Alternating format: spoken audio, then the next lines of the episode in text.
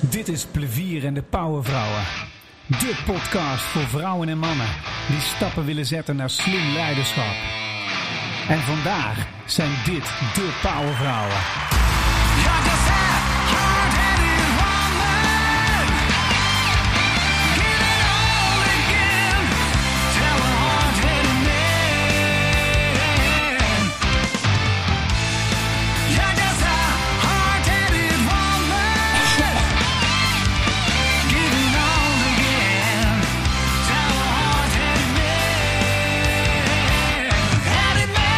Ja, welkom bij Plevier en de. Dit is sessie nummer 4 en wat hebben we mooie gasten vandaag in de studio, namelijk Claudia Ruiter en Karin de Groot. Ze gaan zich zo aan jullie voorstellen.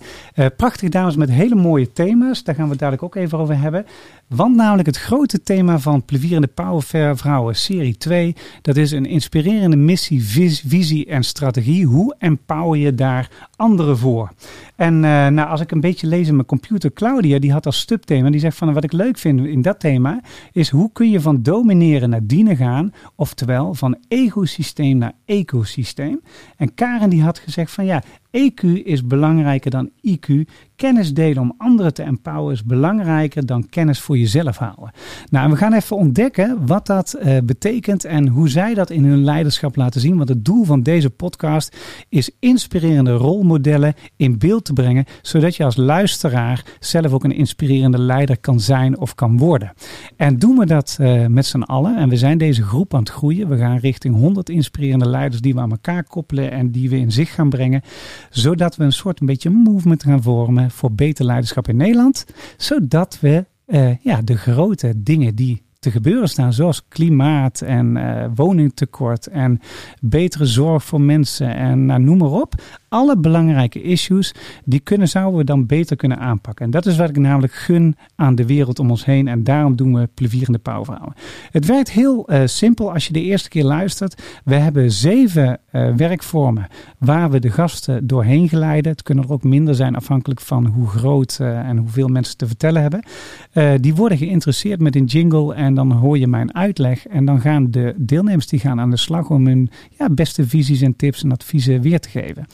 Um, terwijl je daarnaar luistert als luisteraar, is het heel leuk om zelf ook mee te doen. Want enerzijds leer je van hun visies, maar het is ook leuk te bedenken, wat zou ik zelf in die, uh, in die kwestie hebben gedaan? Of hoe kijk ik daar zelf tegenaan? En daarmee wordt deze podcast een beetje interactief. Oké, we gaan beginnen. En de eerste uh, sessie, de eerste opgave die we hebben, is namelijk de Guilty Pleasure Song. En uh, dan gaan we beginnen bij Claudia. En die, uh, die had als Guilty Pleasure Song, had zij de Dolly Dots Don't Give Up. Kennen jullie die nog meer horen?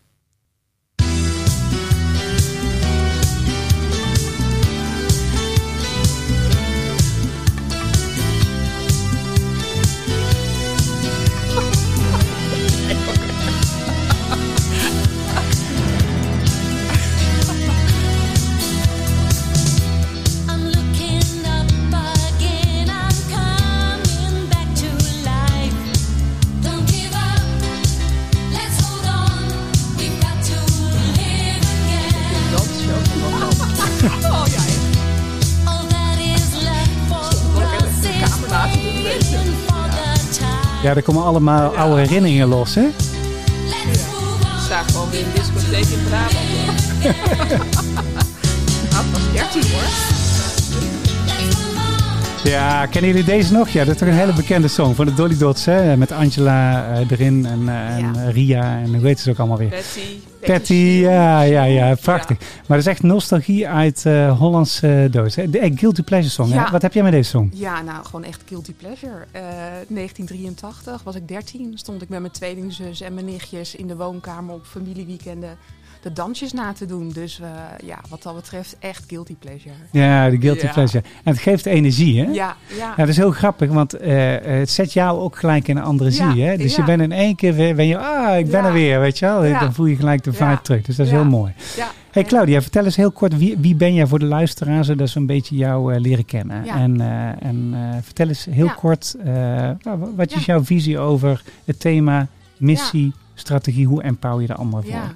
Nou, ik ben uh, Claudia Ruiter. Ik heb uh, ruim 20 jaar uh, ervaring in de arbeidsbemiddeling. En ik heb in die tussentijd een uitstapje in de zorg gemaakt en naar het onderwijs, maar altijd het thema arbeidsmarkt. En dat heb ik altijd in een leidinggevende rol gedaan.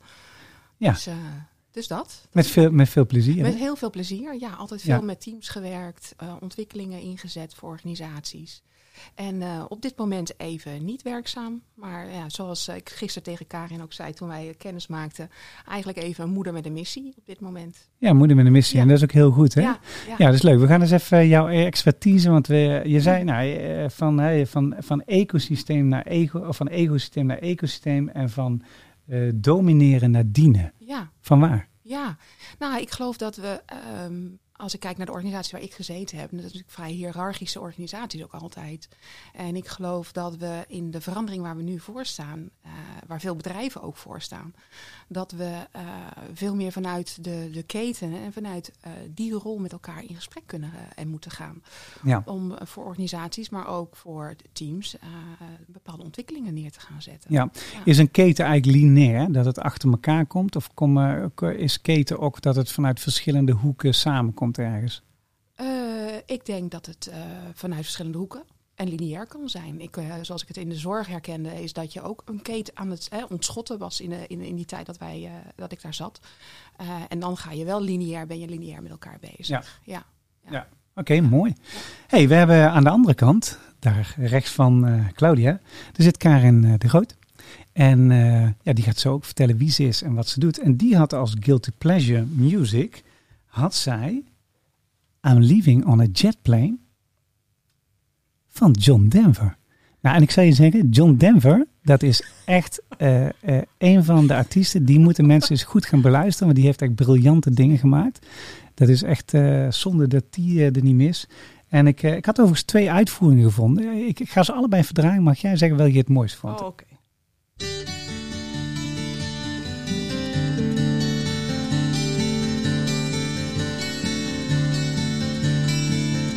All my bags are packed, I'm ready to go.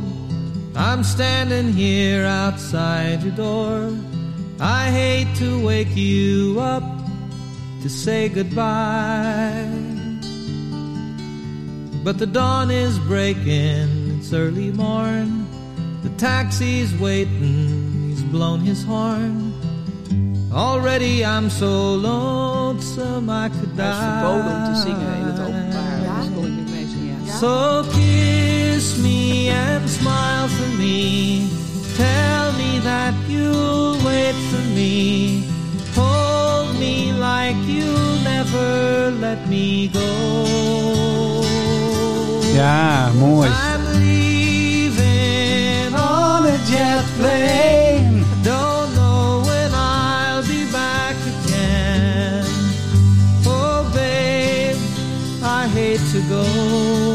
Is prachtig, prachtig. Ik had, ik had daarnaast deze versie. Die, die is uh, dan net alsof hij, uh, die is wel amateuristisch, hè? maar dan zit hij naast je in de kamer. Uh, vond ik ook heel grappig.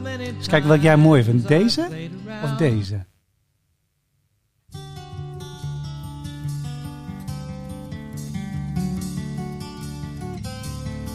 All my bags are packed.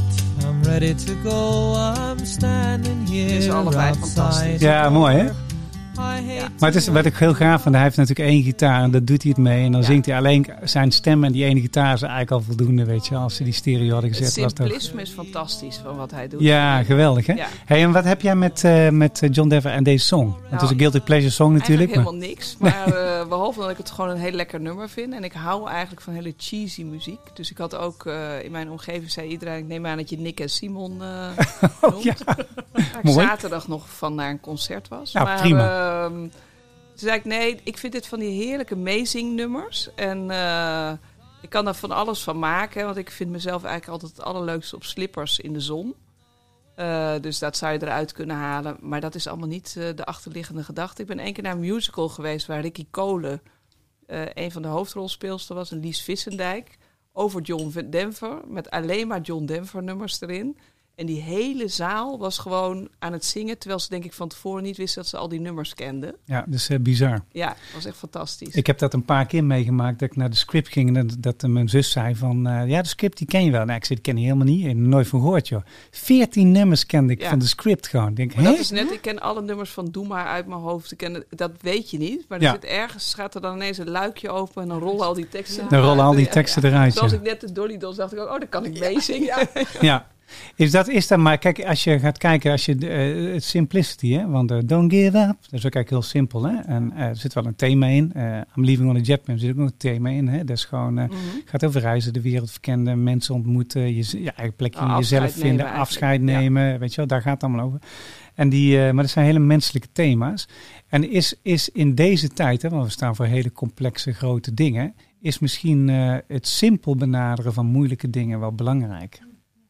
Maken we dingen niet te moeilijk, dat zou ik ook wel zeggen. Nou, ik ben zelf super simpel eigenlijk in mijn benadering van heel veel dingen. En eh, ik doe ook heel veel vanuit een soort buikgevoel, wat ik denk dat goed is. Ja. Waarvan ik ook weet dat dat niet altijd goed is.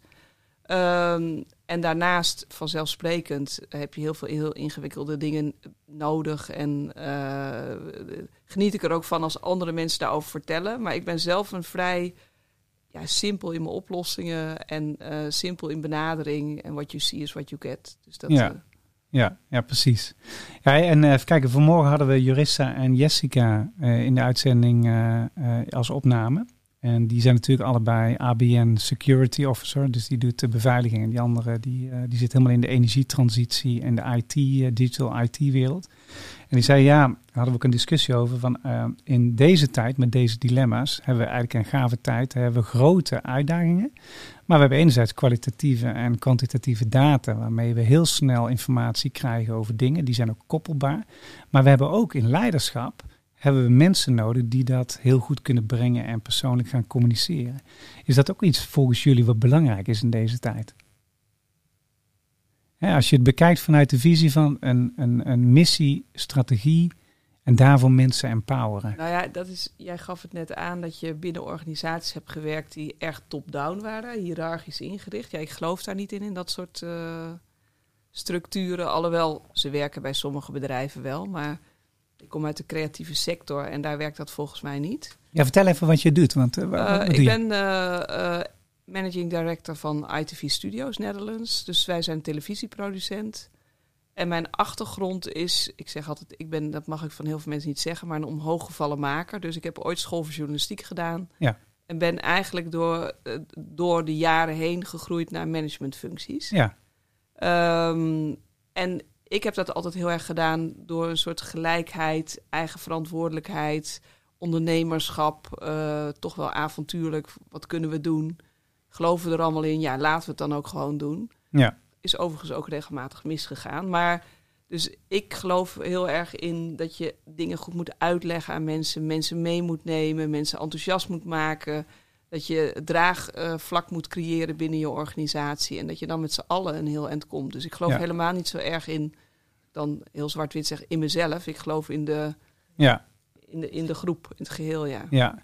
Ja, en, en het is ook menselijk om te zeggen dat niet alles lukt. Hè? Dus ik had, ik had eh, eh, een rapport gelezen over het goede leiderschap. En eh dat hadden ze allemaal wetenschappelijk onderbouwd. En daar kwam ook dingen uit als een goede leider, die is, die is verantwoordelijk. Die, heeft een, die is ook een beetje standvastig, durft verder vooruit te kijken. Ehm, luistert wel goed naar de mensen om zich heen, zorgt er goed voor. Maar zal ook regelmatig sturing geven als het nodig is. Ehm, maar als hij een fout maakt, durft hij ook te zeggen van ja, hoor, ik heb die fout gemaakt en het is niet gelukt. En weet je, eh, eh, gezien de nieuwe data en nieuwe gegevens en de input die ik nou krijg, moeten we die kant op. eh willen Maar we ik mee? vind het zelf, ja, ik weet niet Ja. jij ziet, maar ik vind zelf geen enkel probleem om fouten te maken en toe te geven. Nee. En ik vind het ook geen enkel probleem als mensen binnen ons bedrijf fouten maken. Als je maar op tijd zegt, oh, dit ging niet goed, hoe gaan we het oplossen? Ja, Nou, ja, wat, wat, wat ik daar eigenlijk aan wilde toevoegen, want ik hoorde, Wout, ik hoorde jou zeggen over ehm, hè, dat je ehm, als leider ook in deze fase. voorheen moest je altijd wel weten waar je naartoe ging. En ik geloof in deze fase dat het ook gewoon met die hele eh, digitalisering en robotisering, en waar je tegenaan zit te kijken, hoe je dat gaat vertalen naar je organisatie, dat dat ook soms gewoon eh, korte termijn kijken is. Want vroeger moest je voor tien jaar misschien wel weten waar je een organisatie naartoe bracht, maar dat is natuurlijk nu niet meer zo. nee, in ieder geval minder, hè? Minder, ja. Ja. We kunnen Ja. minder ver kijken daarin. Ja, dat denk ik ook, ja. Ik Dus je denk weet het ook niet altijd. Nee, nee, mooi. Ja, heel goed. Oké, jongens, we gaan eens even een stukje verdiepen. Ehm, en dat doen we met deze werkvorm. De overeenkomstenrace.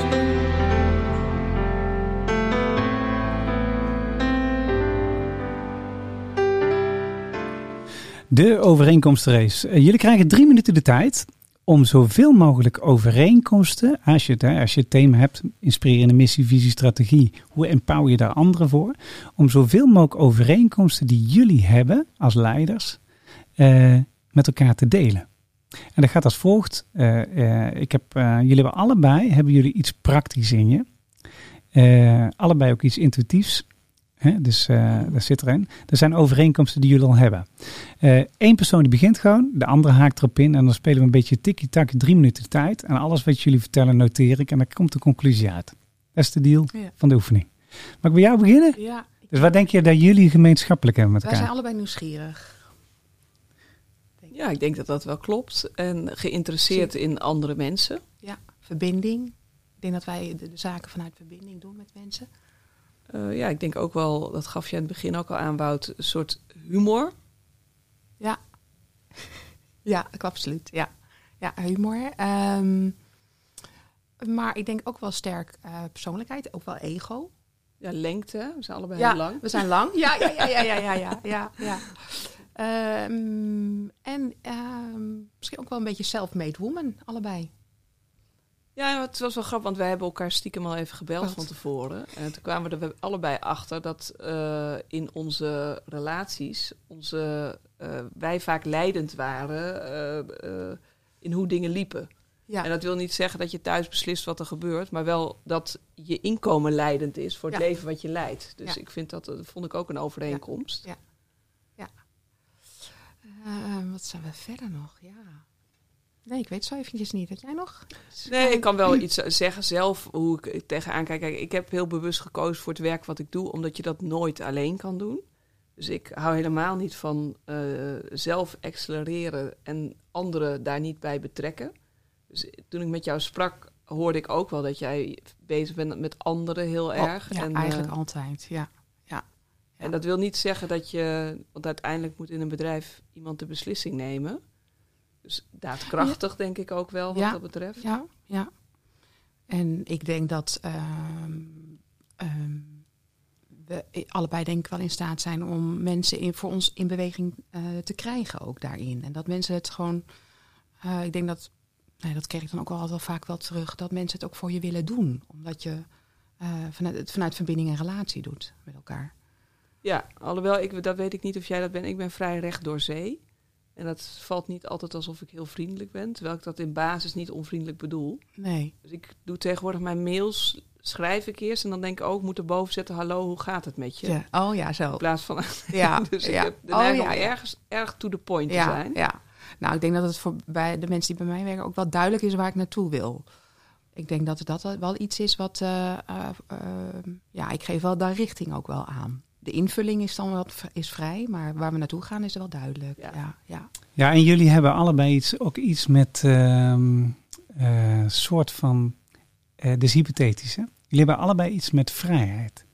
Vrijheid en creativiteit of vrijheid met je sandalen op eh, de beach lopen in je bikini, hè? De- dat, zeg maar. Slippers, hè? Ik loop Slippers. sandalen. Oh ja, wauw, laat, laat dat even duidelijk zijn. ja, slippers, hè? Maar dat klo- klopt dat wat ik zeg? Ja. Kijk, zij heeft bijvoorbeeld een heel mooi tatoeage op de arm, zeg maar. Heel mooi. eh, eh, echt, eh, wat, wat is het? Wat, Het, is een, eh, het is een pioenroos. pioenroos, ja, is mijn- een van mijn lievelingsbloemen. Ja. Eh, dus die, eh, ja, die heb ik op mijn arm eh, gezet. Ja. Ja, en, en eh, met je bikini op het strand, op je slippers. Dus, ja. Nou, ik vind gewoon dat je ehm, eigenlijk in het leven altijd heel open moet zijn. Dus eh, en reizen, maar ook lezen, theater. Ja, dat is eh, mensen die me nu horen praten, denken daar gaat ze weer. Maar het zijn in de wereld en het niet alleen maar in je huis zitten, maar het met mensen Nee. praten, dingen doen, op reis gaan, Ja. dingen ervaren, echt spijt hebben van dingen dat je denkt en waarom vond ik dit een goed idee? Weet je, dat, daarmee verruim je heel erg zelf je, je, je blik op de wereld, vind ik. Ja. En dat is eigenlijk, ik heb drie kinderen, wat ik ook op mijn kinderen probeer over te brengen. Maar ook in het bedrijf. Jongens, doe nou die luiken open in plaats van dicht. En probeer gewoon midden in het leven te staan. Staan. Ja. En Ja. echt, daar, eh, ik ben ook echt eh, wel dat je op vakantie, reis of whatever ging. Op een gegeven moment zes maanden alleen op reis geweest. Dat ik ook dacht, en waarom vond ik het nou zo ontzettend leuk om in mijn eentje dit te gaan doen? Ja, Maar de volgende dag was dan weer heel bijzonder. Dus, Ja. dan, dus je, Ja. je hoeft niet altijd de makkelijkste weg te kiezen. Maar in ieder geval wel altijd de open-minded weg, vind ik. ja, Ja. die vind ik wel mooi. En Ja. hoe is dat bij jou? Nou, weet je, als we, eh, als we dan kijken naar het, het, het leven te leven. En, en, en, en, nou, dat hebben wij al eerder in het voorgesprek ook wel, Wout. eh, het is best een, een, kwetsbare fase in mijn leven. Eh, Ja. Er gebeurt heel veel, heel heftig. En toch verleer je niet het, de, de, de, de, de, de mooiheid van het leven te blijven zien en te ervaren. En dat, is, dat zit in zoveel dingen eigenlijk. Ondanks dat er ook sommige stukjes lelijk zijn in het leven. Ja. Dat is wel mooi. Ja, Ja, dus als er in de privé iets om gebeurt, hè, dan haalt het, it shakes up your world. Hè? Ja, dus zo is het ja. gewoon. Nou, ik En- vond het wel grappig, want jij zei tegen mij van ja, ik doe op het moment ben ik eigenlijk niet werkzaam. Nee. Dus is dat dan wel een goede, goed moment om hier te zitten? En toen zei ik, ja, maar uiteindelijk gaat het over balans. En eh, Ja, het balans gaat er- is het gaat- altijd. En Ja. als de balans nu even is dat je meer thuis bent, ja, ja, Ja. dan is dat zo. Dat Ja. is niet iets waar je voor hoeft te verontschuldigen of waar je. Het is ook iets wat in de eerdere po- podcast met eh Powervrouwen ook al eh, voorkwam. Dat je, je hebt gewoon tien leefgebieden. Spiritualiteit, carrière, loopbaan, seksualiteit, gezin, vrienden, liefde. En, eh, je hebt er gewoon verschillende leefgebieden. En eh, soms slaat de balans een beetje door in het ene gebied en slaat het aan de andere kant een beetje naar beneden. En soms aan de andere kant. Maar het zit hem veel meer in het bewustzijn dat je het doet. ja. Dat je snapt dat dat zo werkt. Dat je er niet op vastloopt. Nou ja, en als je er wel op vastloopt, dat je er iets van leert. Weet je? Ja. Dat is een beetje wat uit de voorgaande sessies kwam. Dus dat is juist heel knap. En eh, wat ik zoek hier is namelijk inspirerende rolmodellen Ja. voor andere mensen om hun leiderschap te vergroten. En daar hoort kwetsbaarheid bij. Ja. Even heel simpel ja, mag ik nog heel even terug Ja. naar wat ik in wat jij gaf het aan het begin even aan wat ik zei over EQ en IQ, want het sluit er een heel klein beetje eh, op aan. Ja. Dat eh, ik kom zelf uit een gezin met eh, één broer en die heel erg slim was, die op school heel goed kon leren. Toevallig weet jij dat Wout, maar Ja. die was dus bij ons thuis was altijd het idee van, nou ja, die gaat studeren en die gaat het helemaal maken. En Karen is sociaal en dat, ja, die komt ook wel goed terecht. Zo ging het ongeveer. En ik heb dat zelf altijd goed onthouden, want ik dacht, ik kreeg een bepaalde vechtlust van. Mijn vader was een self-made man eh, die eh, carrière had gemaakt. En ik heb ben daar later over na gaan denken, want ik was altijd, ging net met zesjes over, begon op het gymnasium, zat vrij snel op de HAVO, moet ik zeggen. En toen wilde ik journalistiek studeren. En toen zei mijn vader, ja, er zit helemaal geen toekomst in. Oh, daar zei mijn vader ook over. eh, Ja, dus die, die dacht van, ja, wat, wat moet je daar nou mee? En uiteindelijk vind ik het grappig om te zien hoe dan de balans in het leven... Hè? Mijn broer heeft nu een eigen bedrijf, dat gaat hartstikke goed. Maar die was in het begin eigenlijk een enorme freewheeler. Maar hij had de IQ en hij moest dat nog omzetten in zeggen... ja, maar ik wil dat gaan doen. Terwijl ik was altijd heel erg overtuigd van dat ik journalistiek wilde doen. Maar dat had niks te maken met kennis. En daarvan zeg ik ook altijd, kennis kan je voor een deel inkopen. Kopen, Maar hoe je omgaat met je eigen eh, sociale vaardigheden... met eh, empoweren van mensen, het aansturen van een bedrijf... is veel ingewikkelder volgens mij om aan te sturen. Ik had toevallig vanochtend eh, mijn leidinggevende uit Engeland was over... En die zei ook van ja, we zoeken echt mensen die gewoon op een bepaalde manier de boodschap kunnen overbrengen. Want we hebben zoveel kennis in het bedrijf, maar zo weinig mensen die het zo kunnen brengen dat mensen ook ervan geïnspireerd raken. raken. Ja. ja. Dus ik Ja, geloof zo. heel erg in de kracht van EQ, terwijl wij met z'n allen, doe ik zelf aan mee, beuken bij onze kinderen dat ze vooral heel goede cijfers moeten halen op school. Ehm, maar ik denk dat, die, dat er nog te weinig aandacht is eigenlijk voor sociale ontwikkeling. Alhoewel dat wel veel meer is tegenwoordig. Want op scholen moeten ze presentaties geven enzovoort. ja, maar het, is nog, het is, staat nog steeds in de kinderschoenen. Ja, Ze hebben voorspeld eh, in Harvard dat eh, de toekomst van leren zit in, in, zit hem in personality. Je ziet nou bijvoorbeeld de CITO-toets, die is nog maar 60%, eh, eh, terwijl vroeger was het 100%. Hè? En dat loopt terug. Dus het testen en het meten en weten en competenties en dat soort dingen, dat loopt terug. En het gaat veel meer over succes, zit veel meer in personality van mensen. En als je daar de juiste skills voor ontwikkelt en talenten voor aanschakelt, dan komt het met heel daar veel mensen wel heel goed. erg het, het nemen van de beslissing op het juiste moment. Dus het juiste moment beslissen. Oké, doe even een stap terug in mijn carrière. Ga ik even daarbij schakelen. Of in het bedrijf doe je even dat. Dus Ja. ik, ik vind dat een onderschatte... eh, ja, ja, Dat is absoluut waar. ja. Ja, absoluut waar. Oké jongens, we gaan, eh, we gaan dus door naar de volgende eh, werkvorm.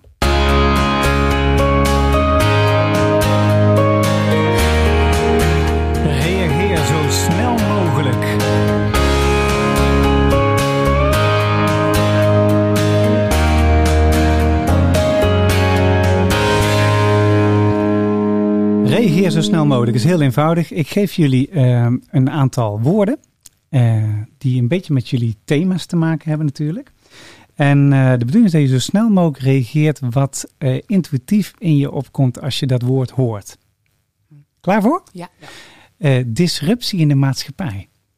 Nou, dat vond ik corona wel, moet ik zeggen. Maar Ja. dat heeft ons heel ver gebracht. Ja, op een bepaalde hoogte. Dus ik vond dat eigenlijk eh, fantastisch hoe we ineens tien jaar hebben overgeslagen in heel veel. In thuiswerken, in remote werken, in van alles in het bedenken van oplossingen. Wat ons anders nooit zou zijn gelukt. ja, Ik kan heel veel negatieve dingen erover, maar ik, dat, ik vond dat echt een positieve. Op ja, het moment dat je mensen even helemaal totale reset geeft eigenlijk, want dat was het. We waren helemaal moesten opnieuw beginnen. Wat daar dan uitkomt. En ook wat het voor de toekomst, bij ons bijvoorbeeld, hybride werken, wat het teweeg heeft gebracht. Ik, eh, als je dat twee jaar geleden tegen me had gezegd, mensen gaan voor een groot deel thuiswerken ook, had ik gezegd, nee, dat kan niet bij ons. Maar dat kan wel. Dus ik vind dat eh, soms ook een pluspunt als Ja. iets eh, heel disruptief is. ja. Em- Empowerment. Empowerment. Ehm, jeetje. Ehm, daar ontstaat dynamiek bij empowerment, beweging. Eh, worden zaken gecreëerd. Ehm, Wat, en, wat heb je nodig om, me- om mensen of systemen te empoweren? Wat, wat, wat vergt dat? ehm, Ik vind altijd empowerment klinkt altijd een beetje als inspireren, maar Ja. het is veel, veel meer Ja. dan dat. Hè? Nou, bij mij roept het ook een bepaalde kracht en energie op eh, als, ik daar, als ik het woord hoor. Ja. Ehm, ja, waarbij je mensen eigenlijk in, eh, in, in, hun, in, hun bewe in een beweging gaat krijgen. En in, Ja. een, in een richting die ze, ja, waar, waar ze hun professionaliteit hebben zitten, of hun vakkennis hebben zitten, of hun, eh, eh, ja, hun zaken kunnen bijdragen voor een organisatie. Ja. Dus, Maar ik denk in jouw geval, even als ik eh, mag geven, Ja. ook het feit dat jij je aan de stichting verbonden hebt. Met jouw kennis. ja, ja, ja, ja, Dus je geeft je kennis en daarmee empower je en Ja. zorg je dat ze de volgende Ja. fase in kunnen. Ja, ja, ja, ja. Ja, dat klopt. Ja, dat, dat, ja, nou ja dat, dat is waar. Ja, ja. Dat doe ik natuurlijk pas sinds kort. Ehm, aan de stichting Fred als eh, toezichthouder. Eh, een oud collega van mij. Maar ja, die eh, heeft een stichting opgezet waarin ze safe houses huizen in, eh, in Nederland heeft. Eh, en daar jongeren opvangt tussen de 18 en 28 jaar. Ja. Ja, dus ik help haar weer eigenlijk om ja, als toezichthouder dus de volgende fase van haar stichting te gaan eh, realiseren. Ja. Ja, dus dat is eh, indrukwekkend hè? Ja. Thema, qua, qua thema. Ja, Ja. is absoluut. Ehm, bescheidenheid. Ehm, ik vind dat wij heel vaak te bescheiden zijn. Ja. Eh, wij Nederlanders. Ehm, ik deed het net zelf ook. Ik zei, ja, ik ben een omhooggevallen maker. Dus dan zeg je, van, ja, ik ben daar per ongeluk terechtgekomen. Terwijl aan de andere kant, ik hou van bescheidenheid. Want ik ben heel erg, wat dat betreft, heb ik een Nederlandse Ja. natuur. Dus ik, ik- van mij hoeft het niet groot, groter, grootst en meer en eh, zeggen dat je iets hebt gedaan. Dus ik vind, ik vind een. eh, wij hebben heel vaak met programma's die bedacht worden, dan wie heeft dat dan bedacht? Dat heeft nooit iemand bedacht, namelijk. Want je hebt een fase van ontwikkelen en dan heb je een fase van doorontwikkelen. En dan komt er een team op en die gaan het echt maken. En dan komt er een presentator bij die voegt er zijn sausje aan toe.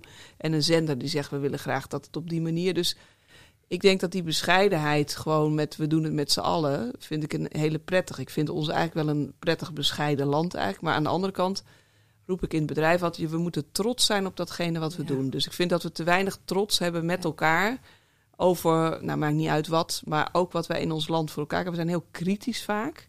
Ehm, Kan altijd beter. kan altijd beter. altijd dus beter, die, die ja. bescheidenheid heeft, ook wel een keerzijde, vind ik, met dat we onszelf kleiner maken op een bepaalde manier. Ja, ja, Ja. mooi. Ja. Ehm, ego. Want eh, jij zei van ecosysteem naar, ego. van ego Ja. naar ecosysteem. Hè? Ja. Dus Nou, we ego. hadden, wij hadden, Karin en ik hadden het er gisteren over. Hè, dat we eigenlijk toch ook soort wel. mm, Dat, we dat, dat je dat eigenlijk allebei ook gewoon wel hebt. eh, ego. Ik bedoel, ik denk dat een, eh, dat, dat ook helemaal eh, niet, eh, niet verkeerd is. Ik, net voordat ik naar hier toe reed, had ik een, een eh, kleine discussie met onze head of development en sales. En die zei, ja, ik heb helemaal geen ego. Toen zei ik ook, wil je dat ik wat voorbeelden opnoem dat je echt een ego had? Ja, Toen je zei, ja, maar dat, dat startte toch bij mij. Oh, ik geloof dat ik wel een ego heb. Ik zei, sterker nog, wat zijn mensen zonder ego eigenlijk? Want ego geeft ook een soort, wie ben je zelf. Het is alleen ook daar weer bij. Kijk, als je ego overstijgt datgene wat je bent of datgene wat je wil brengen, dan heb je een probleem. Maar het is niet erg dat je soms overtuigd bent van iets wat je zelf bent, dat je vol overtuiging iets kan vertellen. Dat je alleen in heel veel bedrijven, en ook, maakt niet uit waar, is ego natuurlijk overstijgend, waardoor de boodschap ondergeschikt wordt aan het belang van de persoon zelf. ja precies. Ik denk dat je dat misschien Ja. eh, Ja, bedoelt. ja, ja, ja. ja, ik kwam er niet zo lekker uit. Maar Ja. Nou ja, nee maar, nee, maar goed, dat maakt niet uit. Kijk, want uiteindelijk, eh, kijk, eh, de kwetsbaarheid of jezelf zijn, dat is het tegenovergestelde van ego. hè. We hebben natuurlijk, eh, als je, eh, ik had een eh, half jaar, drie kwart, even kijken, een jaar geleden had ik een interview met eh, Hans Hille, de oud-minister. En eh, die zei van, we zitten in het ik-systeem, we zitten in het ik-tijdperk en we moeten naar wij. Weet je, en dat wij dat kunnen we alleen doen door transformatie. En toen zei ik, oh, dat vind ik wel interessant. Ik, ik heb een boek gelezen over de zeven niveaus in het brein van eh Koloff heette die volgens mij, die man. Ehm, en Koffling. En eh, daar zeggen ze eigenlijk, ehm, begint allemaal met je ik. Is gewoon, ben je bewust dat jij er bent. En dan is het, ben je bewust wat je talent is en hoe je dat kan brengen. En dan is het, kun je die connectie ook maken met mensen om je heen. En dan moet je transformeren, want, eh, en de meeste mensen transformeren pas later in hun leven. Dus zo rond de vierde en de zevende levensjaar, dan maak je je levensscript. Dan word je de perfectionist of de eeuwige helper of de eeuwige analist of de winnaar of eh, de ik ben dom type. Of nee, je hebt allerlei typologieën. En maar 14% van de mensen komt er los. En dan gaan ze leven. En wanneer lopen ze nou op vast? In levensfase 6. Op momenten, dan zit je ergens tussen de 42 en 52 jaar. En dan krijgen heel veel mensen die krijgen een identiteitscrisis. Die lopen hormonaal erop vast. Maar ook qua denksysteem, qua scheiding, qua nou ja, alles ja. komt daar samen. Nou, en, dat, en, en dat komt dus heel vaak omdat hun zelfinzicht in hunzelf te laag is. Dus, dus om die transformatie te maken, nou, dat gaat vaak met heel veel geweld gepaard. ja. Maar lukt het je, dan kun je namelijk naar het wij, wij in jezelf. Dan kun je namelijk de verbinding maken met anderen. Dan kun je je ideaal naar gaan nastreven. Dan kun je andere mensen gaan empoweren. Sommige mensen zitten alleen aan die bovenkant, aan de wijkant, maar die zorgen niet goed voor zichzelf. Nou, met als gevolg, dan, ja, Nee, maar gaat niet ik, ik goed. geloof in een... En vice ik versa. gaf als voorbeeld aan jou, zei Ja. van... eh, als ik naar de studio ga, daar is altijd een eh, bordje met mijn eh, nummerbord van mijn auto. Ja, En eigenlijk denk ik dan, hè, wat een onzin. En, maar het moment dat het er niet is, vind ik het eigenlijk best wel vervelend. maar dat is natuurlijk heel...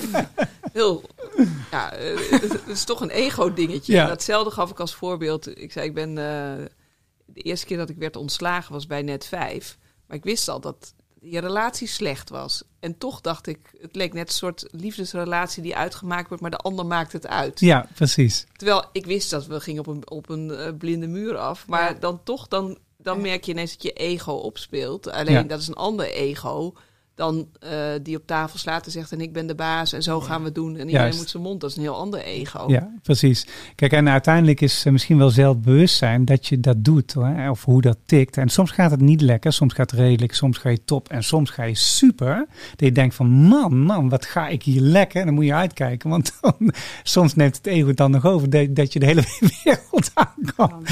En dan ga je een beetje te veel de positieve kant op. Ja. Weet je wel? En dat is wel het leuke dilemma van, van zijn, toch? Weet je wel? Dat, en ik vind dat reflectievermogen vind ik met name heel erg gaaf in, in leiderschap. Als je dat hebt, dan ben je een goede leider. Als je snapt, hey, hier, hier moet ik een beetje mezelf met een korreltje zout nemen. Hier zit ik echt wel oké. En hier kan ik verbindend zijn. Wat vind jij? ja. Eh, ik denk dat humor essentieel is. Ja, toch? Ja, en een stukje zelfspot. Ik denk dat dat gewoon eh, ervoor zorgt dat je eh, met je beide benen op de grond ook blijft, Ja. blijft staan. Ja. Hey, en wat ik heel interessant vind, want jij had iets verteld over jouw broer, die hele slimme broer. En eigenlijk wat jij eruit had eh, geleerd. Hè? Ja. En de vrijbuit, want zo ken ik je broer hoor, inderdaad ook. Ehm, en jij, ja, bij, jou, bij jou is het ook gegaan, want jij hebt dus een tweelingzus en je hebt twee zonen. Twee zonen, hè? Ja. En heb- ook nou, een ik heb- tweeling? Ik heb drie zoons, waarvan eh, de oudste twee ook een tweeling is. Ja, Ja, en die zijn, eh, ja, dus we zijn eh, met tweelingen rijkelijk bedeeld in de familie. Rijkelijk bedeeld, ja. Ja, ja, ja. En wat geeft dat voor dynamiek, zeg maar, aan Ja. jou? Ja, het gevoel altijd samen te zijn.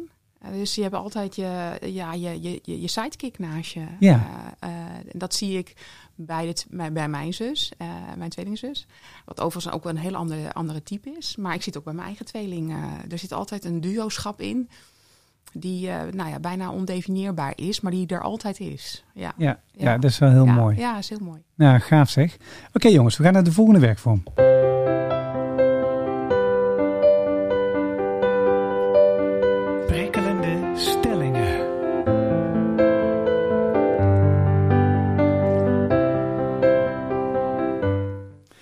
Prikkelende stelling, die gaat als volgt. Er zijn 33 paradoxen die elke leider onbewust of bewust meemaakt. Eh, die heb ik in kaart gebracht. En eh, ik zal ze aan jullie voorleggen. En je moet een kant kiezen. Eh, natuurlijk is het nooit zwart-wit, zoals we het nou stellen. Maar dat maakt het ook wel een beetje prikkelend. Van, want de redenatie waarom je naar links gaat of naar rechts, Ja. dat is juist heel leuk om naar te luisteren. En ehm, de eerste daarvan, die leg ik aan Karin voor. Dat is eenheid in verscheidenheid. Klinkt goed, maar in de praktijk is het nog best lastig. De saamhorigheid van een organisatie of team verdwijnt. Even kijken, ik, moet, eh, ik ben 52, hè? ik eh, zie soms ik het niet meer.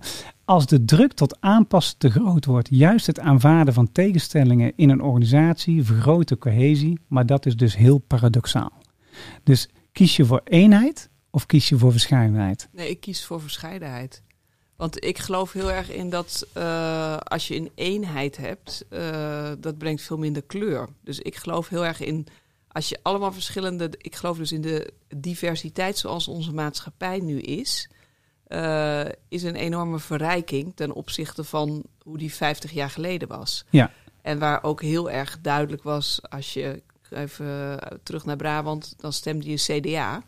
En nu heb je veel meer eigen keuzes, eigen verscheidenheid. Mensen kunnen hun eigen seksualiteit, dat kunnen ze ook uitdragen, kunnen zichzelf zijn. Dus ik geloof heel erg in verscheidenheid. Ja, mooi. Ja, absoluut. Ja, ja, ja, ja, Ja. ja. Ja, ik heb voor jou ook weer een hele mooie. Nou, Vooruitgang door stilstaan.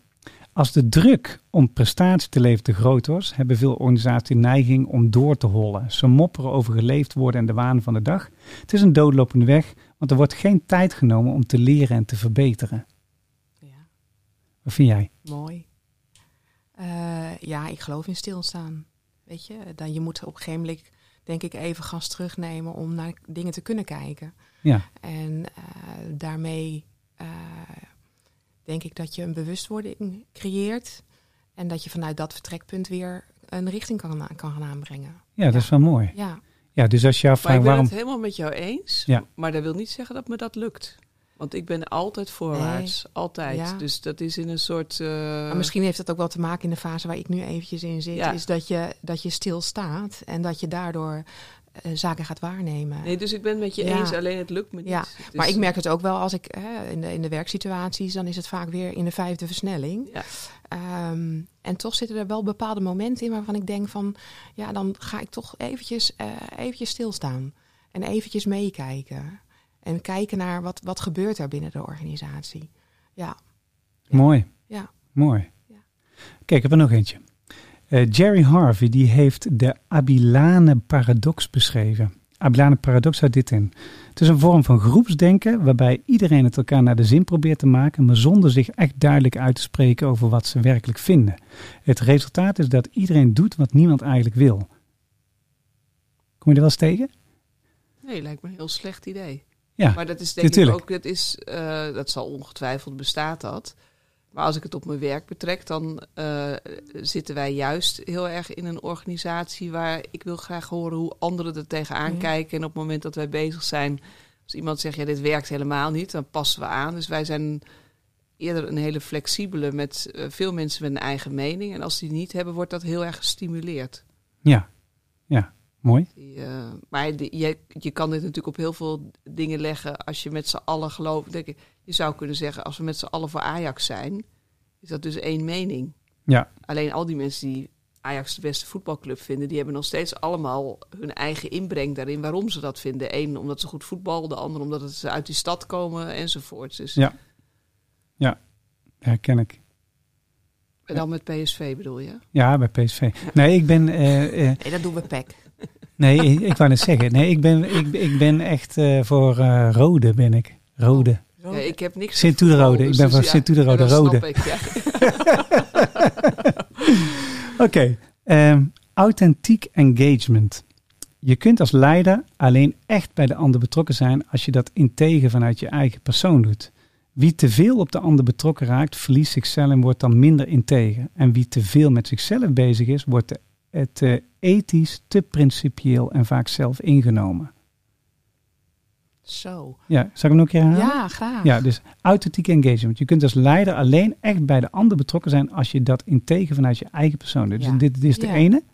Eh, wie te veel op de ander betrokken raakt, dat is de andere kant. Dus dat je heel empathisch bent richting je mensen en daar alles uithaalt, verliest zichzelf en wordt dan minder integer. En wie te veel met zichzelf bezig is, die wordt juist de ethisch, principieel en zelf ingenomen. Ja. Welke vind je beter? ja, de eerste. Ja, want? Ik vind het een hele moeilijke ronde, Ja. Wout. Ik weet niet wat je ons aandoet op de Ja, ja, nee, dus even... eh, Ik dus dacht dat zijn er zou even- hier een wijntje op tafel Ja, staan. wijntje. Ja, maar- Gaan, borrel, gaan, hè? gaan we Ja. zeker nog even doen. Ja, ja, ja. Ja, Ja, ik vind hem ook, la- ik vind hem ook lastig eh, daarin. ja. Want ik geloof dat je vanuit... Kijk, als je het relateert nou in de politiek, hè, de, ze hebben zes maanden gedaan over het formeren. Ja, Daar zie je in ieder geval één ding. Ze zijn niet empathisch gericht op de ander. Is één ding wel zeker, anders hadden ze er nooit zo lang over gedaan. nee. Ik vind hem Nou, ik denk eigenlijk ik vind alles, het hè, lastig, dat is bij al die stellingen. Daarom zei je in het begin ook, het is zwart-wit. Wit. Maar alles wat je natuurlijk, waar je voor kiest, is eigenlijk too much. Dus als je alleen maar met jezelf bezig bent, ja, dat is problematisch. Maar als je heel erg je voortdurend verplaatst in de ander ook. Dus ik denk als je leiding geeft, of waar dan ook eigenlijk in je leven, heb je altijd een soort tussenvorm. Waarbij je probeert om rekening te houden met alle facetten. Ja, En zodra dat over een randje heen gaat, dan hoop ik altijd dat de mensen in mijn omgeving mij corrigeren. Want iedereen doet dat wel eens, omdat je in een bepaalde fase of je bent er ergens heel erg van overtuigd. Ehm, ik heb een interessant voorbeeld dat op een gegeven moment zei de collega waar ik heel lang mee gewerkt heb, die deed een brainstorm en die zei: ja, Ik heb liever niet dat jij erbij bent. Want als jij erbij bent, dan bepaal je heel erg wat we gaan doen. ja. Als jij zegt op een gegeven moment: nee, het is dat, en dat blijf je ook herhalen. Dan dacht ik: Oh, daar zit wel wat in. Dus ik ben me daar verder daarna bewust van geweest. Dus je, ik denk, alles wat je te veel doet, is gewoon niet goed. En eh, zal je op de een of andere manier moeten corrigeren. ja en, gecorrigeerd en worden. zo is het ook. Hè? Ja. Zo werkt dat precies. Kijk, het is meer zo het bewustzijn hebt eh, dat, dat je... eh, vaak zijn mensen voorgeprogrammeerd, gaan ze automatisch. Hè? En eigenlijk, eh, in alle podcastseries hoor je dat terug. Als je niet meer zelf nadenkt en vanuit de rust bedenkt... en even beschouwt van... Hey, wat is daar los en wat is eh, het beste en wat is het beste stappenplan wat we kunnen nemen en daar collectief mensen in gaat betrekken, dan verlies je de, de realiteit het over. Wat je Mm. natuurlijk ziet in, eh, dat is wel mooi, ik had gisteren de, de, zo'n presentatie over data en die man die daar vertelde, die zei van, eh, wat wij doen is eigenlijk allemaal kwalitatieve en kwantitatieve data in kaart brengen. En die koppelen we aan elkaar. Dus we gaan zowel met mensen in gesprek en we doen surveys en dat soort dingen. En we polsen wat mensen ergens van vinden. Waarbij we er rekening mee houden dat ze niet alles weten. Dus bijvoorbeeld, eh, niemand weet werkelijk bijvoorbeeld, ik noem maar iets, wat zit er in een vaccin? Dat weet niemand. Weet je wel? En toch vertrouwen we erop dat het goed is. En je hebt een andere groep die vertrouwt erop dat het niet goed is. En ze bestoken elkaar nou een beetje in Nederland met het is wel of niet waar. En de kunst is om toch een beetje vanuit de rust dat meer te gaan bekijken. En te kijken van nou, eh, hoe denk ik er zelf over? En wat is de beste manier om ergens te komen samen? Nou, en die, eh, die man zei van wat ik leuk vind aan die kwalitatieve dingen is dat je daarmee de visies hoort van mensen. En als je mensen daarbij kan betrekken en je koppelt het ook nog aan feiten, dan kun je daar een soort beleid op maken. Hij zegt er zijn dan drie niveaus in. Dus enerzijds praktisch, wat moeten we in gedrag gaan doen? Dan is het meer tactisch van uh, hoe plannen we daar dingen op in? Hoe regelen, wie moeten we hebben en wie regelen we daarop in? En dan is het meer strategisch, als we nou beslissingen moeten nemen, waar wordt dan een goede beslissing voor de lange termijn? Mm. Nou, dat vond ik wel een mooie manier ten opzichte van zo'n zo'n stelling als dit. Ja. Om de balans te vinden, zeg maar. Tussen, uh... Heel ingewikkeld wat je allemaal zegt. Ja, vind je het ingewikkeld? Ja. ja. Nou, maar als je het simpel maakt, kijk, wat haal je uit jezelf en wat haal je uit anderen? Dat is eigenlijk de vraag. Dat is eigenlijk, dat is meer mijn taal die jij nu spreekt. Ja, ja, ja, dus ik maak het even simpel. Ja. Zo die stelling, ik denk elke keer zo, zeg, ik moet echt mijn brein aanzetten. Ja, ja, ja goed hè? Ja. Kijk, nou is leuk, dit zijn geen uh, makkelijke stellingen, dat klopt hè? Nee. Er stond bij namelijk, wie over tegenstellingen wil praten, roept daarmee weerstand op, omdat je een probleem eerst ingewikkelder moet maken dan het is. Weet je, nou, nou, nou daar hadden wij het over. Maar zo is het in feite. Het is eigenlijk de, de, de kaders verkennen van zo'n stelling. En het is best wel ingewikkelde materie, weet je. Mm daar, is, daar is ook de reden dat mensen soms heel moeilijk vinden om als leider een bepaalde beslissing te nemen. Ik vond, vond het mooiste voorbeeld, COVID breekt uit. En er was geen één leider die een noodplan had voor COVID. Er was geen eentje die een standaardplan, crisisplan, COVID uit de la kon trekken. Dus mensen moesten wel het uit andere mensen halen. Herken je dat? Ik, ik herken het heel erg, want ik was namelijk uh, op een gegeven moment vanuit uh, mijn vader. Ik was bij mijn vader op bezoek geweest. Dat was ook de laatste keer dat ik hem had gezien totdat hij gevaccineerd was. Ah, ja. hij, wilde, Zo. hij had uh, enorme angst ervoor.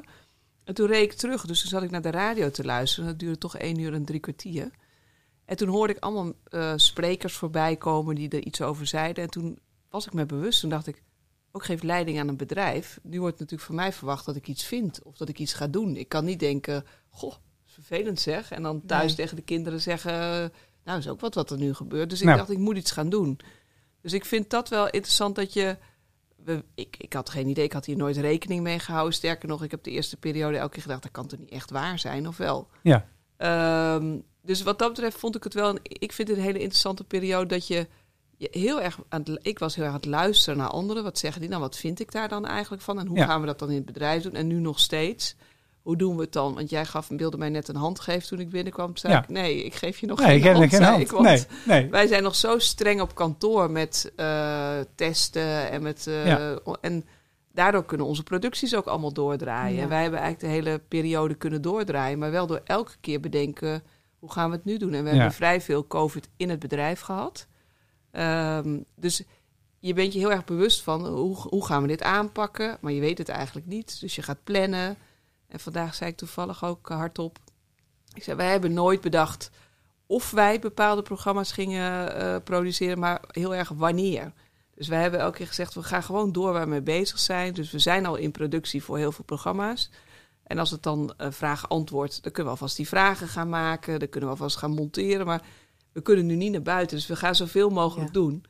En toen het uiteindelijk wat meer open ging, dat was zomer vorig jaar, waren we daar klaar voor. Dus het leek net alsof wij ontzettend goed hadden nagedacht en dat helemaal hadden bedacht. Maar dat was meer dat ik denk, nou laten we dat maar doen. En het was ja. ook om het bedrijf gaande te houden. Ja. Maar dat was echt learning on the job. En ja. luisteren soms, naar anderen. En, maar uh, soms is het misschien ook wel inderdaad luisteren naar anderen en gewoon ja. een pad ontstaat te lopen. Het is niet altijd volgens een, uh, een uh, gericht plan. Dit wordt het plan nee. van aanpak. En, en, ik denk zeker in deze tijd ook de snelheid waarmee dingen gaan. Dat mensen ook soms proefballonnetjes moeten oplaten om te kijken hoe landt dat. En, oh ja, well, dat werkt wel. Een beetje plan, do, check, act. Hè, wat ja. ze vroeger altijd deden. daar is nu steeds een soort standaard, zeg maar. Eigenlijk werkt dat niet meer in deze tijd. Maar het is gewoon ja, eigenlijk meer kijken van wat heeft het moment nodig en laten we dat dus uit de groep halen of halen laten we het dus uit nou, de klant halen. En dat is wat jij zegt, ook je bewustzijn van hoeveel het vergt van een organisatie om flexibel te zijn. Ja. Omdat het vaak heel makkelijk is als je precies weet wat er gaat komen. Ja. En om dan toch het lef te hebben om dat om te gooien. En soms, doordat het dan een overmacht is, moet je het omgooien. Ja. Maar zelfs als dat niet zo zou zijn, dan moet je natuurlijk jezelf blijven vernieuwen. En jezelf opnieuw blijven uitvinden. En nieuwe dingen doen. En het anders benaderen. Ja. En iemand anders een keertje bij ons dan doorschuiven naar een ander project. Zodat iemand anders ruimte en jouw waarheid niet de waarheid van het project wordt. Ja. Zou je dan kunnen stellen dat, dat het dus belangrijk is in deze tijd om gewoon uh, data, feitelijk of kwantitatief, of uh, uit gesprekjes met mensen uh, te blijven verzamelen? En natuurlijk heb je wel een soort stip op de horizon waar je heen wil. Maar dan in het moment kan het zijn dat je een keer af moet wijken en met elkaar over moet praten. Hey jongens, dit speelt nou, wat gaan we doen met z'n allen? Weet je, laten we die, die route nemen. Wat vinden jullie ervan? Wat vind jij? Ja, ik denk dat dat, dat, dat, dat ook zo met die COVID-periode zo gegaan is. Ja. Je zag organisaties, denk ik, toch ook. Want je zegt, hè, er lag, lag geen plan klaar. Nee, ik denk dat het, dat het voor heel veel organisaties dat ook zo was. Ja. En dat ze je teruggrijpt dan naar oude mechanismes van hoe ga je er dan uiteindelijk mee om. Uh, en dat ook niet iedereen verwacht dat ze ontzettend lang zou duren uiteindelijk. Nee, dat dus denk ik denk dat dat dan Ja. ook wel ehm, zich ontwikkelde eh, in, de, in, de, in die periode. eh, en andere, ja, andere vormen werden gekozen. Het is ook wel interessant te zien hè, dat, dat eh, er zitten heel veel eh, grote issues in de maatschappij die moeten opgelost worden. En het lijkt soms wel of het eerst moet vastlopen voordat mensen gaan bewegen. Weet je? Ja, Dat- alhoewel ik denk net als met... eh, wij zijn nu met een pilot bezig. Hoe kunnen we groener produceren Ja. bijvoorbeeld? dat is een thema. Ja, Ja. vind ik het interessant, want dan leggen we dat, bespreken we dat met RTL. Die zien dat ook zitten. Dus je bent dan ook aan het kennis delen eigenlijk. Waarna de, waar daarna de hele markt van zou kunnen profiteren. Maar eigenlijk wordt dan bedacht van, nou oké, we hebben een aantal diversiteit is een thema, sustainability is, een thema. Dat zijn allemaal hele grote dingen. Waarvan je ook als mensen vraagt, en hoe ga je dat doen? Dat weet ik eigenlijk niet. Dus laten we in ieder geval, maar we moeten in ieder geval beginnen. Dus dan begint het in ons geval dan bij zeggen: oké, we moeten budget vrijmaken om daar iemand voor aan te nemen. Maar dat levert niks op in eerste instantie. Sterker Nee. nog, alles wat je groener gaat doen kost meer geld. Ja. Dus hoe ga je dat doen? Dus dan moet je proberen met partners te overleggen hoe gaan we dingen doen enzovoort. Hetzelfde is op dit moment, nou dat zit heel erg in jouw straatje, de krapte in de markt Ja. van het krijgen van personeel. Ja, daar kunnen we met z'n allen zeggen, ja dat is echt heel erg. Of we moeten bepaalde opleidingen verzorgen, eh, risico's nemen met mensen eerder door laten groeien of mensen aannemen met minder ervaring. Dat vraagt meer van de mensen die er al zitten. Hoe ga je daarmee om? Dus we hebben hele grote vraagstukken, vind ik, waarbij natuurlijk eh, een aantal diversiteit, milieu enzovoort zijn eh, global. Overigens is personeelstekort ook global op het moment. in, dus in heel veel landen. Maar eh, het is wel interessant hoe een organisatie daarmee omgaat. En eh, ik merk zelf dat ik, ik hou van de actiemodus. Ja. Eh, dat je gaat nadenken, dat je mensen gaat opzoeken, dat je gaat gesprekken aan. Je probeert eh, ergens eh, op internet, in boeken, je know-how vandaan te... Van thema's die eigenlijk nog niets... Ja, dat heeft nog niemand bedacht. Nee. Maar dat is ook wel weer... Ja, ik vind dat eh, altijd Ja, wel... ik denk dat het gewoon belangrijk is het gesprek met elkaar daarover aan te gaan. En te kijken waar of er eh, andere organisaties zijn ook die, die, die uitdagingen. En ik weet wel dat in die COVID is er toen een project geweest van eh, omdat die stewardessen uiteindelijk niet eh, konden vliegen. Ja. En toen zijn ze gaan kijken van goh, waar zouden we de match kunnen maken in de arbeidsmarkt? En dat is toen eh, echt, maar dat, dat gaat dan echt in de sector, was dan in de zorg. Toen zijn ze daar eigenlijk gaan kijken van kunnen we daar iets, eh ja, gewoon slimme dingen in doen. Ja. En Dat is, ook, dat is ook iets wat ze in en de dat is toekomst... gewoon piloten. Ja. Dat is gewoon proeftuinen. En Ja, kijken en, of het, dat gaat en, en, werken. ik denk dat het ook iets van de toekomst wordt. Dat mensen veel meer gaan kijken van wat, eh, wat zijn de talenten van mensen en welke rol past dan een mens toe. In plaats van te zeggen, nou, is dit, dit is de stewardess of dit is Ja. de, nou, et cetera. Ja, Ik ja. denk dat die kant op gaat. Oké, we gaan naar de laatste werkvorm. That's alright. I'm gonna take you higher. That's alright. I'm gonna take you higher. Van de dag.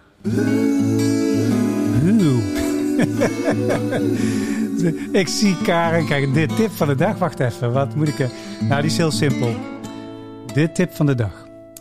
Eh, die gaat als volgt. Als je een advies zou mogen geven aan de luisteraar binnen het thema mensen empoweren voor een eh, bepaalde visie of strategie. En dan rekening houden met dat, ja, je zegt eh, gesprek aangaan is goed hè. Eh, bij jou is van ego naar ecosysteem. Wat zou je mensen willen meegeven? Wat eh, was je advies? Ehm, nou, we hadden het heel even over of we avontuurlijk waren. Eh, ik ben heel snel enthousiast te krijgen. Dus ik eh, sta sowieso vrij positief in het leven. Maar als er iets wordt geroepen, denk ik altijd, nou, dat zou wel eens iets kunnen zijn. Dus, en ik denk bij empoweren, daar hoort ook wel bij dat, dat enthousiasme overbrengen op anderen. Want soms vind ik het een supergoed idee. Eh, maar dan moet je het ergens nog krijgen in de organisatie of eh, bij een bepaalde club. Dus ik denk dat de manier hoe je dingen vertelt, eh, hoe je zelf daarin staat. We hadden het net ook al even over dat je het goede voorbeeld geeft. Dus op het moment dat je iets een goed idee vindt, dat je er ook echt zelf mee aan de slag gaat. Dat dat heel veel betekent voor een organisatie. Ehm, en ja, ik doe dat zelf, probeer ik dat zoveel mogelijk te doen. En ook aan de andere kant, want ik denk heel veel dingen hebben ook een keerzijde openstaan voor als andere mensen heel erg er- enthousiast over, ergens over zijn. En jij zei net, ja, sommige dingen komen met de jaren. Ik denk dat je, toen ik zelf ook, toen ik jonger was, was je natuurlijk heel erg met je eigen dingen bezig. En heel erg met je, het heeft niet eens met ego te maken, maar gewoon met het feit dat je nog niet alles kon combineren met elkaar, nog niet die ervaring had. Ja.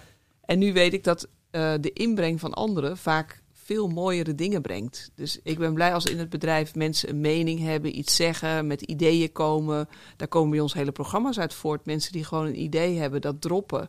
Het hoeft nog helemaal niet een programma te zijn, maar het idee alleen al, of een boek wat ze gelezen hebben, of iets wat ze gehoord hebben, of wat dan ook. Muziek die ze ge- gehoord hebben, waarvan ze zeggen, daar moeten we volgens mij wat mee. Dus ik geloof heel erg in het enthousiast in het leven staan zelf, maar ook het enthousiasme voor andermans ideeën kunnen opbrengen. Ik vind dat mooi. Ja, Ja. dat is heel mooi. ja. Ja. En jij, wat zou jij willen meegeven aan eh, de luisteraar? Jeetje. Ehm, ja, de tip, hè? Dat was hem, hè? Ja, dit hoeft niet een tip te zijn. Het kan ook gewoon een beschouwing Ja. zijn of Ja. iets wat je belangrijk in, vindt. Er zat een Nee. tip in, hè? Ja. Nee, het is meer een le- levensbeschouwing, Ja. maar dat is ook de bedoeling. Ja. Ja, ja. Ehm, nou, wat ik, wat ik in deze, deze fase gewoon wel heel erg merk, is hoe belangrijk het netwerk eigenlijk wel is. Ja. Hè? Ik bedoel, eh, het contact, het met elkaar in gesprek zijn eigenlijk. Ehm, te durven kijken naar de uitdagingen die er, die er liggen. Eh, en ook soms gewoon aan te geven dat je het ook niet weet. Eh, Ja. En dat je daarin, ehm, ja, vooral met elkaar het, het gesprek delen en de uitdagingen daarin delen. En waar, nou, wat ik al zei, waar we tegenaan staan. En dat is ook heel Eh, leuk, want op het moment dat je, eh, op het moment dat je het deelt en je zegt van eh, dit ligt er, maar ik weet het even niet, dan krijg je automatisch Ja. krijg je mensen die gaan eh, praten. Ja, Als je zegt ik weet het, vaak gebeurt er dan niks. Nee. nee. dan moet je het gaan doen. Dan, En, moet, dan moet en je gaan- van, nou, en doe maar dan. Eh, Ja, ja, Lekker dan. ja, ja, ja, Ja, dat is het toch? ja. Hey, dankjewel dames voor het leuke interview. Ook, goede verdieping op het thema. En eh, ja, je, je, kan dus eh, met recht zeggen van eh, ego naar eco staan. We hebben een klein beetje ego nodig soms om dingen in gang te zetten. Maar het is belangrijk om het samen met mensen te doen in dialoog. Vaak eh, zijn mensen vaak begripvol voor eh, dingen. Als je vertelt van nou die kant willen we op, wat vinden jullie ervan? En ze worden erbij betrokken. Daar opent vaak heel veel mooie dialogen en ideeën. En misschien is dat ook wel de sparkle die alles gewoon in werking zet. Hè? Je hoeft niet alles vast te dicht te timmeren. Je kan het ook doen door een soort vernieuwing aan te brengen. En soms gebeurt een beetje disruptief, zoals bij corona. Dat was gewoon in één keer was het zo. Dus we moesten er echt iets mee. Daar gaf ook paniek in, alle, alle kanten. Maar soms gebeurt het ook gewoon organisch op een hele mooie manier. De Song for the People die, eh, die je nou gaat horen, die is zo ontstaan. Want dat was eigenlijk gewoon meer een intuïtieve actie. Ik denk, ga een nummer schrijven voor mensen een beetje hulp te geven in covid-tijd. En binnen no gingen 26 mensen eraan meedoen. Filmmakers, videomakers, eh, geluidsmensen, studiomensen, professionele muzikanten. eh, videoclip eromheen. En drie weken later hadden we in één keer een professionele song. En eh, dat vind ik de mooiste manier van werken. Dus eh, dank jullie wel voor jullie input. Hartstikke gaaf. En beste kijker, de volgende uitzending, dan hebben we weer hele mooie gasten. Namelijk Esther van Noord schrijft aan. Zij is director bij Cura Vista. En eh, Nicole Plas, zij is eh, zorgspreker e-health.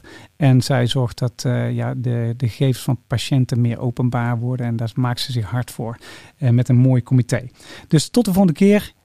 Stay tuned en benut je nummer 1 talent. Leef en werk met bezieling en leef je dromen. Groetje van Wouw Plevier.